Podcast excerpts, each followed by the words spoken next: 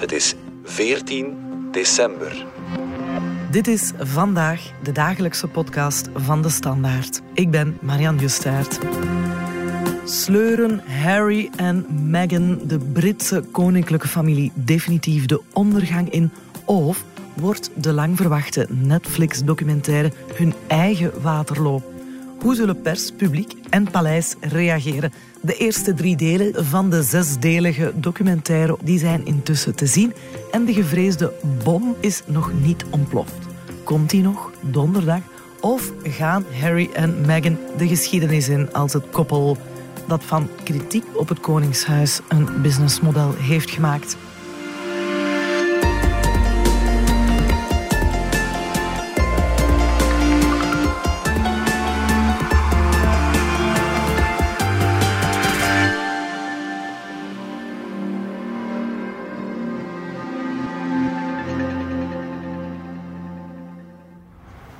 Hard to look back on it now and go, what on earth happened? There was a war against Meghan to suit other people's agendas. It's about hatred. It's about race. It's a dirty game. The pain and suffering of women marrying into this institution. I realized they're never going to protect you. I was terrified. I didn't want history to repeat itself.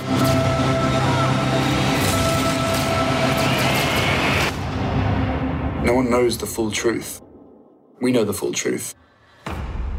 Dominique Minte van de Buitenlandredactie. Jij bent onze koningskenner. Britse Koningshuis. volg- Britse Koningshuis. Ik neem aan dat jij vorige donderdag eh, om negen uur s morgens stipt voor de buis zat voor die ik- lang verwachte Ja, documentaire. ik moest wel, ik ben lichtjes gedwongen. Nee, dus ik ben inderdaad beginnen kijken, donderdagochtend. En vertel En eens. Ja, na tien minuten begon ik mij toch al lichtjes te ergeren.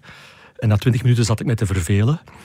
Dan zag ik de tweet van eh, Piers Morgan passeren. Die dus zei van, ja, oh boy, wat zijn ze saai. Erger dan eh, de Kardashians. Harry and Meghan sold their royal souls to become reality TV stars, but they haven't got the charisma to carry their own sob story.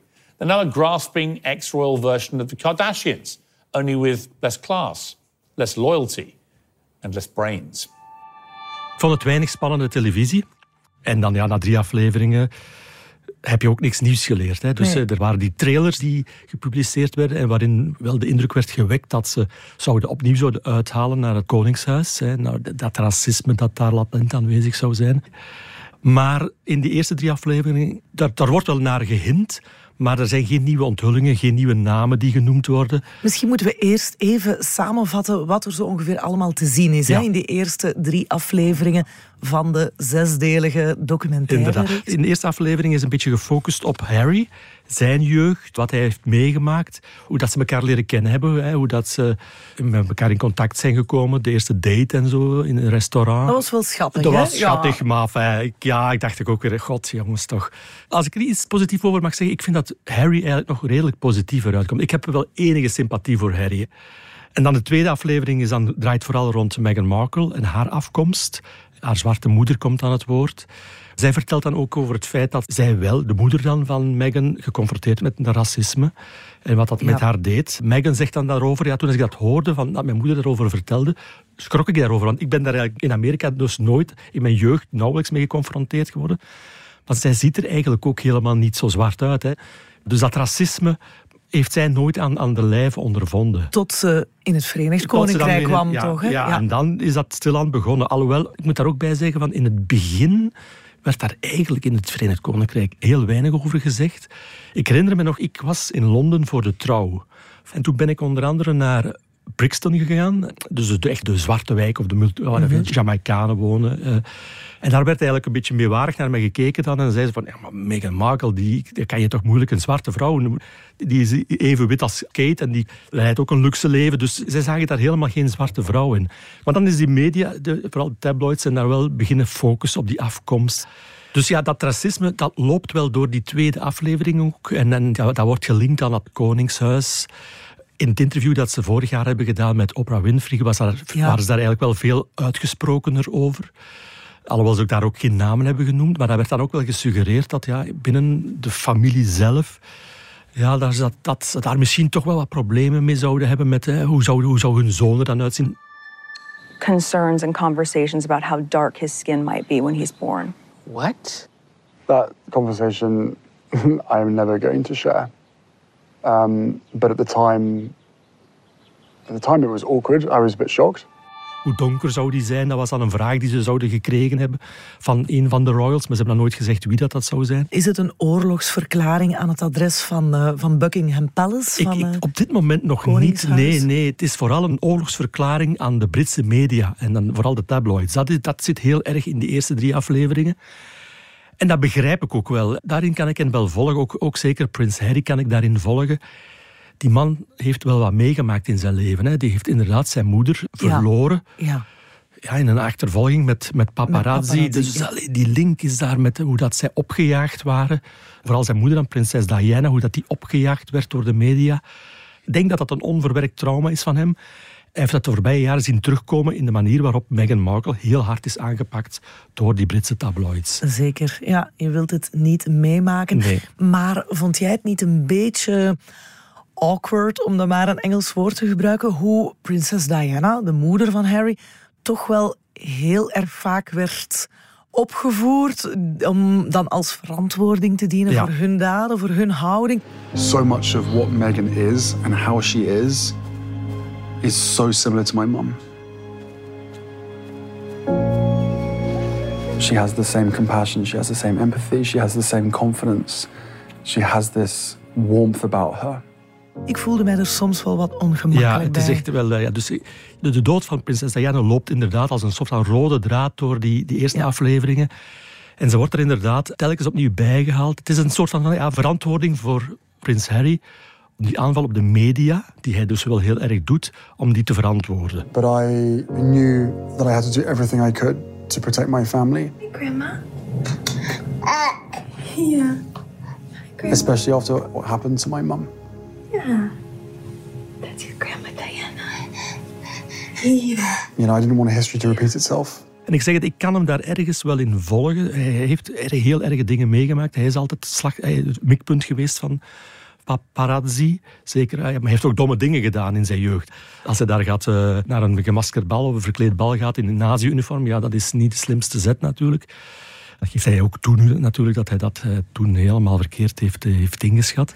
En wat vond je van de stijl? Het is wel zo Amerikaans. Nogal, hè? Ja, dat, dat, het zijn eigenlijk twee drama queens eigenlijk. Hè. Zowel Harry als Meghan, ze hebben toch iets weg van die drama queens. En ja, daar kunnen wij in Europa moeilijker mee om. Hè. Ja. Dat, het stuit tegen de borst en dat maakt hen op den duur ook wel minder populair, denk ik ook. Ja. Ze slaan daarmee ergens, denk ik, ook hun, hun eigen ruiten in. Ja. Want dat is ook heel dubbel, hè. Heel, in heel die reeks.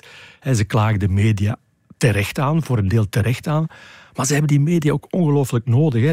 Als ze niet meer in de media komen, ja, waarvan gaan ze dan nog leven? Hè? Dus, want ze leven natuurlijk op heel ruime voeten. Dat zie je ook in die, in die reeks. Amai, Dat- ja, ja, dat- zeker eh, luxe leven. Een luxe leventje, dat werkt mij ook een beetje op mijn zenuwen dan. Hè. Dus ze, ze klagen dan eh, het onrecht in de wereld aan. Op een Hermes-dekentje. Ja, voilà, eh, onder een Hermes-dekentje, ja. Zetel van duizenden dollar. Voilà. We, we gaan er zo dadelijk dieper op in, want dat is een hele interessante kwestie. Maar toch nog heel even over die inhoud. Zit maar eens in die gouden kooi. Hè.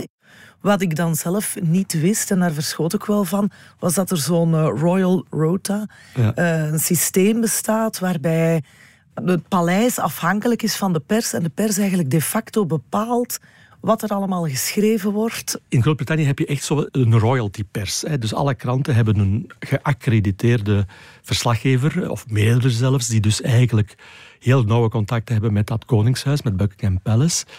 Die worden natuurlijk ook gevoed door, door Buckingham Palace. Die leven voor een deel een beetje uit de hand van wat zij krijgen van Buckingham Palace. En prins Harry klaagt dat heel erg aan. Hè. Hij ziet in eigenlijk heel die negatieve berichtgeving rondom hem en, en, en Meghan. Hij ziet dat gestuurd worden door Buckingham Palace zelf. Is dat zo? Ja, ik weet dat is heel moeilijk in te schatten. Ik denk voor een deel wel, maar ik denk ook een deel van die geaccrediteerde pers, die dus heel veel over dat koningshuis schrijven, zeker voor de grotere kranten zoals de Times, die zijn toch wel redelijk, ik vind die nog altijd wel objectief daarover schrijven. Dat is niks mis mee. En bijvoorbeeld Valentine Lowe, dat is hun, belangrijkste eh, royalty watcher van, van Buckingham Palace, die schrijft gewoon objectieve stukken daarover. Die heeft ook, toen die, die hetze begonnen rond Meghan en Harry, heeft er toch geschreven dat bijvoorbeeld uh, verschillende, en ondertussen zijn er al tientallen, personeelsleden die voor Harry en Meghan werkten, de, dat die ontslag hebben genomen, omdat ze niet zich, uh, ja, vooral Meghan dan, een beetje neerkeek op hen en geen, weinig respect behandelde. En ja, die, die mensen zijn wel opgestapt, dus daar, loopt, daar is ook wel iets mis. Dus, en ja, zij, schrijven dat gewoon. Dus zijn ze dan niet objectief? Ik zeg het, ik blijf erbij. De Daily Mail, daar kan je vragen bij stellen, maar bij de Times The Guardian, die ook een vaste verslaggever hebben van het van Buckingham Palace, ja, die, die schrijven objectieve stukken daarover. Nu komen we terug op wat jij net zei. Ik bleef me toch echt heel de tijd afvragen, waarom in hemelsnaam doe je zoiets? Wat hopen zij er nu mee te bereiken? Wat wil je hier nu als resultaat uit uithalen? Want je weet toch op voorhand dat dit uh, voor uh, een nog grotere breuk met de familie gaat zorgen, dat mensen daar ook slecht op gaan reageren. Ja, ja, Geld, denk ik toch ook voor een deel. Hè? De, ze hebben er dat contract gesloten met, met Netflix in 2020. Dat gaat, het precieze bedrag weet niemand, maar in de media wordt gesproken over een contract van 100 miljoen dollar ja, als je aan zo'n contract vasthangt, dan, dan moet je daarvoor leveren ook. Hè. En Harry kreeg het ook uh, te horen vorige week in de VS. Hè, toen ze buiten kwamen, uh, kregen daar zo'n vraag naar het hoofd geslingerd. Harry, are you putting money before family? Are you putting money before family? Dus ze zijn uit het Koningshuis gestapt officieel. Dat betekent eigenlijk dat ze ook geen verplichtingen meer hebben, maar ze krijgen ook bijvoorbeeld geen bewaking meer. Dat is ook zo'n thema dat altijd terugkomt. Daar zijn ze heel, heel boos over, Harry dan, dat ze nu hun eigen bewakingsdiensten moeten gaan betalen. Ja, oké, als je uit het Koningshuis stapt, dan uh, moet je maar ook de consequenties daarvan dragen. En ze leven dus inderdaad op heel ruime voet. Ja, ze moeten ergens hun inkomsten halen. Hè. Uh, maar wat ze dan willen bereiken, ja, eh, toch ook, daar komen we opnieuw terug bij wat we in het begin hebben gezegd. Van, wij willen onze kant van het verhaal vertellen. Ze hebben heel erg het gevoel dat ze onterecht zijn behandeld door de media, dat er altijd leugens over hen zijn geschreven en dat zij nu met deze reeks hun kant van het verhaal kunnen vertellen. Het is deze reeks die nu bezig is, maar begin januari verschijnt ook de memoires van Harry. Uh, daar wordt ook heel erg naar uitgekeken. Er wordt een boek van meer dan 400 pagina's, waarin hij ook opnieuw zijn kant van het verhaal gaat vertellen. Dus dat zit heel erg diep in hem. Dus uh, dat, dat, dat, gevoel van onbegrepen zijn. Ja, sommige mensen weigeren het om een documentaire te noemen, omdat het echt puur en ook alleen hun, kant, van absoluut, het verhaal ja. Dus je kan het geen objectieve berichtgeving noemen. Hè. Het is geen objectieve reeks. Daar wordt ergens gezegd in de reeks dat Buckingham Palace zou gevraagd zijn voor een reactie op wat er gezegd wordt allemaal. En dat ze dat geweigerd hebben. Daarop heeft Buckingham Palace nu ook niet officieel gereageerd, maar een high source, wordt dan gezegd, heeft dan wel laten weten dat, dat er inderdaad een mail is gekomen van een voor hen onbekend productiehuis dat vroeg voor een reactie. Zij hebben dan daarop gereageerd van, ja, wie zijn jullie? Zijn jullie de makers achter deze reeks? En daar hebben ze dan geen antwoord op gekregen. En dus hebben ze niet gereageerd. Dus het is altijd dat, ja, wel eens niet een spelletje over wie, hè, wie vertelt wie de waarheid, wie heeft gelijk. Dus ja. dat zit daar zo diep in. Ik denk dat ze zichzelf inderdaad meer schade berokkenen met wat ze nu doen, dan dat ze daar hun grote gelijk mee gaan halen. De Britse pers is echt eensluidend negatief. Ja, ja ik zeg het zelfs, zelfs Guardian die toch, de, de, de, linkse kranten, die altijd wordt gezegd van die hebben die heel veel schrijven over racisme en dat aanklagen en over het kolonialisme en de rol van het koningshuis daarin, de historische rol daarin. Die hebben deze week, eh, vorige week ook geschreven van ja, wat wij nu gezien hebben in de eerste drie afleveringen voegt niets nieuws toe aan wat er al gezegd is in, in dat interview met Oprah Winfrey. Waarom herhalen ze zich? Wat willen ze hiermee bereiken? Nee, dus eigenlijk insluitend negatief. negatief ja. en ook Piers Morgan, we horen hem hier. Dat is een uh, bekende royalty watcher. ja, ik, uh, een opiniemaker en presentator, tv-presentator. Die is vernietigend. Ja, ja. Britain is a nasty, racist hellhole, where only magnificent Meghan stood up to all this. And the world's biggest victims are not the people of Ukraine or the people battling COVID or people struggling in a devastating cost of living crisis. No, the world's biggest victims right now are the Duke and Duchess of Netflix. Sadly, millions of people around the world will watch this series and they'll believe it.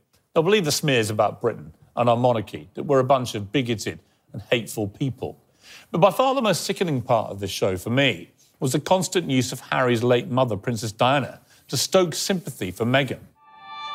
Tabloids zijn natuurlijk ook, als ze één keer een kant kiezen, dan zijn ze medogeloos. En dan is het heel moeilijk om dat nog recht te zetten. Dat Harry zich onbegrepen voelt, begrijp ik heel goed. En dat hij heel veel heeft meegemaakt, ja. Maar ja, Poor Harry. Poor Harry, ja. Maar zonder de media bestaan ze eigenlijk niet meer. Hè. Dus Harry is uit dat koningshuis gestapt. Meghan kan uh, terug actrice worden, ja, dan, maar ik denk dat die tijd ook voorbij is, dat ze nog actrice kan worden. Dus zonder media-aandacht leven ze niet. Uh, dus ja, dat, dat blijft het hele dubbel aan dit soort reeks. Dus, mag ik dat zeggen, ze moeten eigenlijk wel de vuile was blijven buiten hangen, ook al hebben we die al honderd keer gezien misschien, diezelfde vuile was, ja, ik... omdat het voor hen het enige mogelijke businessmodel is? Of ben ik nu te scherp? Nu ben je misschien iets te scherp. Uh, maar ik denk inderdaad dat ze dat niet kunnen blijven doen. Dus uh, op een bepaald moment zal het stoppen. Hè? Dus je kan niet blijven de vuile was buiten hangen. Misschien is het beste voor hen dat ze eigenlijk een paar maanden of een half jaar of een jaar hun mond houden. Dat ze een beetje uit die media verdwijnen. Dat die storm allemaal kan gaan liggen. Maar ja, dit, op dit moment kan het niet. Hè. Ik zeg dat niet, dat boek, die, die memoires komen eraan. Dus ze hebben die media nodig. We gaan er even uit voor een korte boodschap.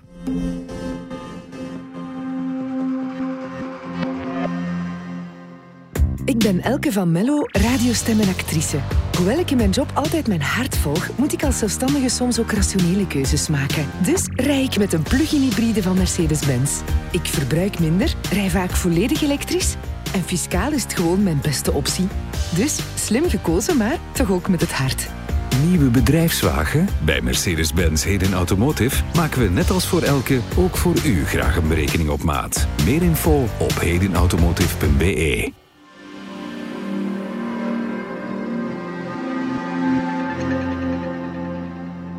En we hebben ook nog altijd maar één deel, de eerste drie afleveringen eigenlijk van die documentaire gezien.